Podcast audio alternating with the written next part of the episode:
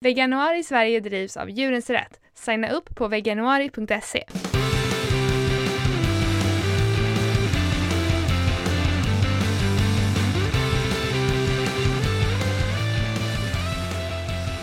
Hej, du lyssnar på Kvinnodjuren med mig Josefin.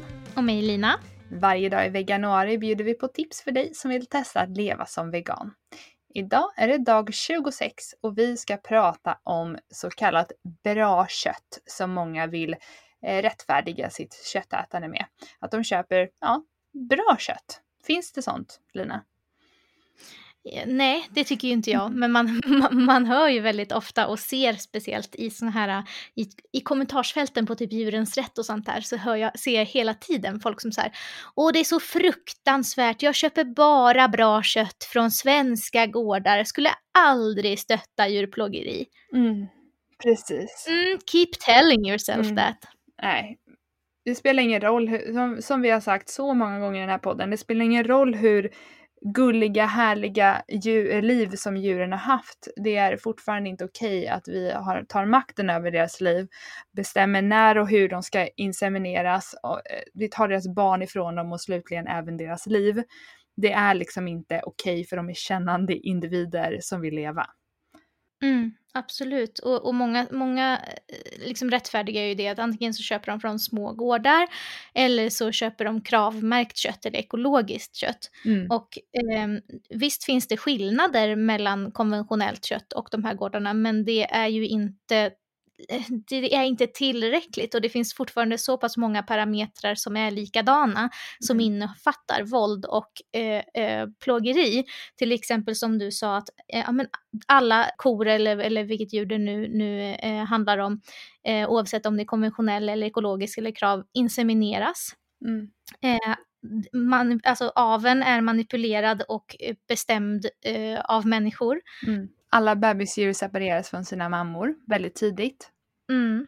Och sen så ska ju alla transporteras till ett slakteri.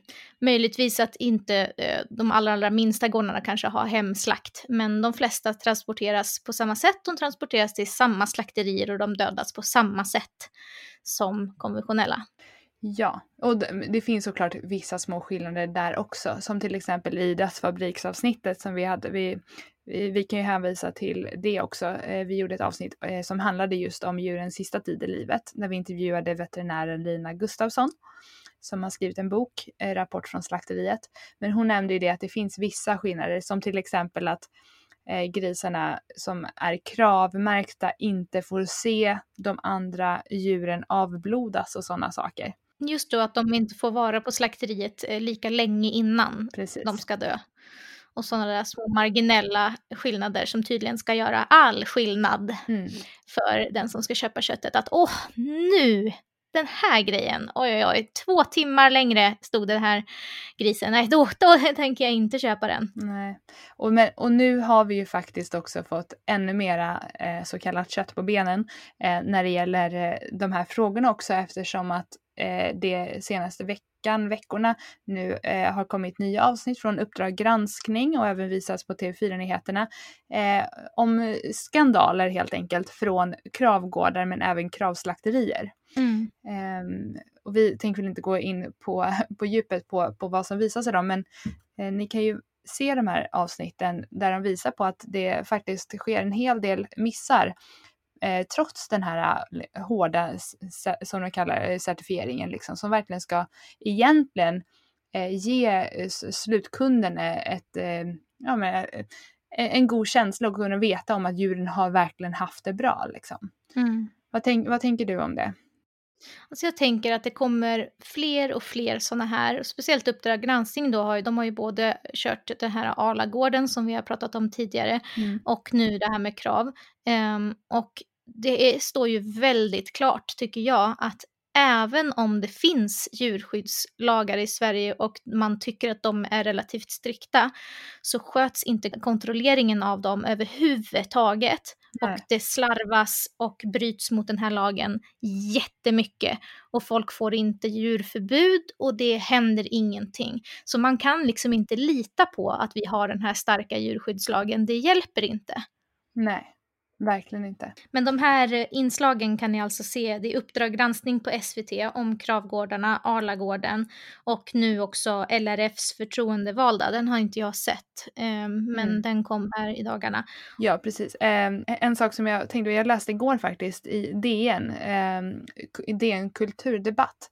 Så Lina Gustafsson då som vi intervjuade, som har skrivit den här boken, hon skrev eh, en artikel där som publicerades igår. Jag vet inte om du har läst den, men Eh, rubriken är Om vi vill stoppa våldet mot djuren måste vi först stoppa slakten. Mm. Och det tycker jag är så sjukt starkt och så fantastiskt att det får ta plats i, eh, på Dagens Nyheter, även i tidningen. Och eh, förutom då de här Uppdrag granskningsprogrammen eh, som du pratar om så sänder ju TV4 eh, typ samma dag tror jag som Uppdrag granskning kom eh, ett eget nyhetsinslag som var filmat av Djurrättsalliansen. De hade filmat inne på kravslakteri, något kravslakteri eh, hade de gått in och satt upp kameror på natten och då ser man ju då ett totalt eh, missbruk verkligen av våld mot de här stackars djuren.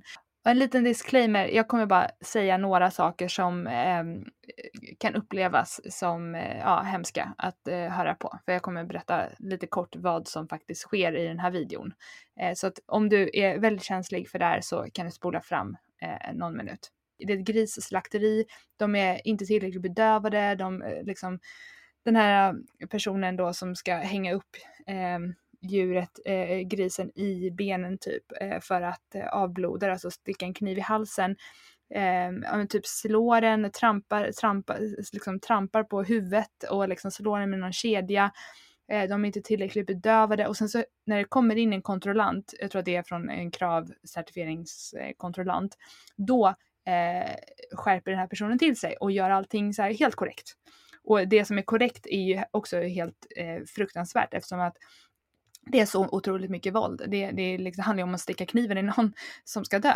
Liksom. Men, men att det är så mycket vidrigare eh, just bara sekunder innan den här personen kommer in. Mm. Eh, att den personen verkligen eh, misshandlar de här djuren. Alltså, alltså inte, inte misshandlar så men ehm, i alla fall liksom per djur att den verkligen, det är totalt djurplågeri. Eh, och alltså jag, jag, jag, blir, jag blir så ledsen eh, och jag klarar inte av att se sånt här men jag, jag känner bara att jag behövde se hur det ser ut, kan, kan se ut när det går till på ett slakteri. Mm. Så det finns att eh, se om man vill liksom få en verklighet, eh, verklighetsbild. Och, och, och, vad jag skulle säga med, med hennes eh, kulturdebattartikel är just att det här eh, har ju fått upp eh, på agendan mycket att man vill sätta upp eh, övervakningskameror både på eh, på gårdar och på slakterier och sådär för att man ska kunna ha koll och se vad som händer och hur de sköter sig. Men, eh, mm. men alltså det, det, det, är inte det som behövs. Vi, vi, behöver bara stoppa våldet liksom. Det kanske kan bli lite bättre men man kommer inte att kolla igenom alla de här videosarna och så. Vi behöver stoppa våldet, vi behöver stoppa slakten liksom.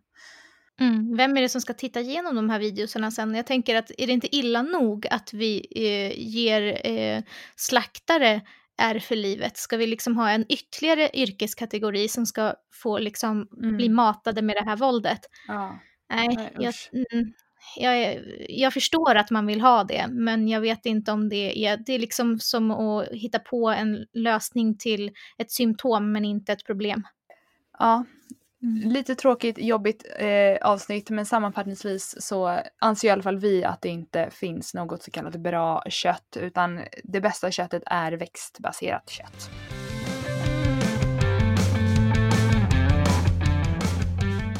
Ja, och dagens recept, det tyckte jag lät, lät spännande. Shepherd's pie. Jag har aldrig provat det. Mm.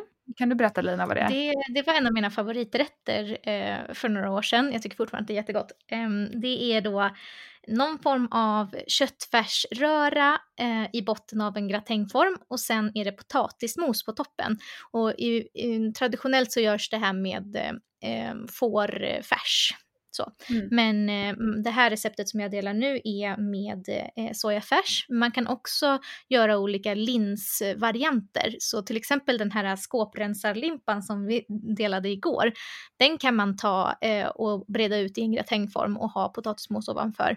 Mm. Eh, till exempel. Eller man kan ta belugalinser, blir ju jättebra eh, tycker jag istället för färsliknande. Gröna linser också bara liksom tillsammans med.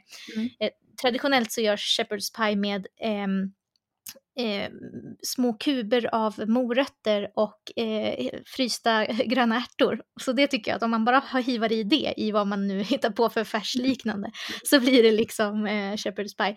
Och sen äter man det med, med gravy, alltså en form av brunsås. Sky typ. Ja. Gott. Jättegott. Mm. Mm.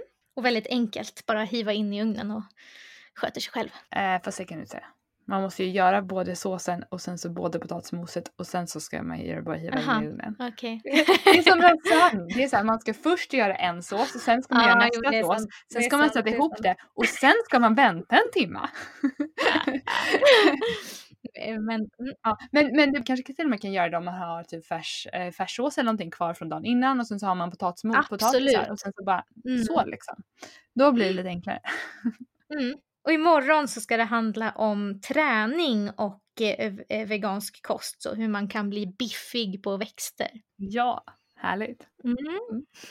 Hörs då. Vi ses, hej då. Hej då. Jag blir helt, ses.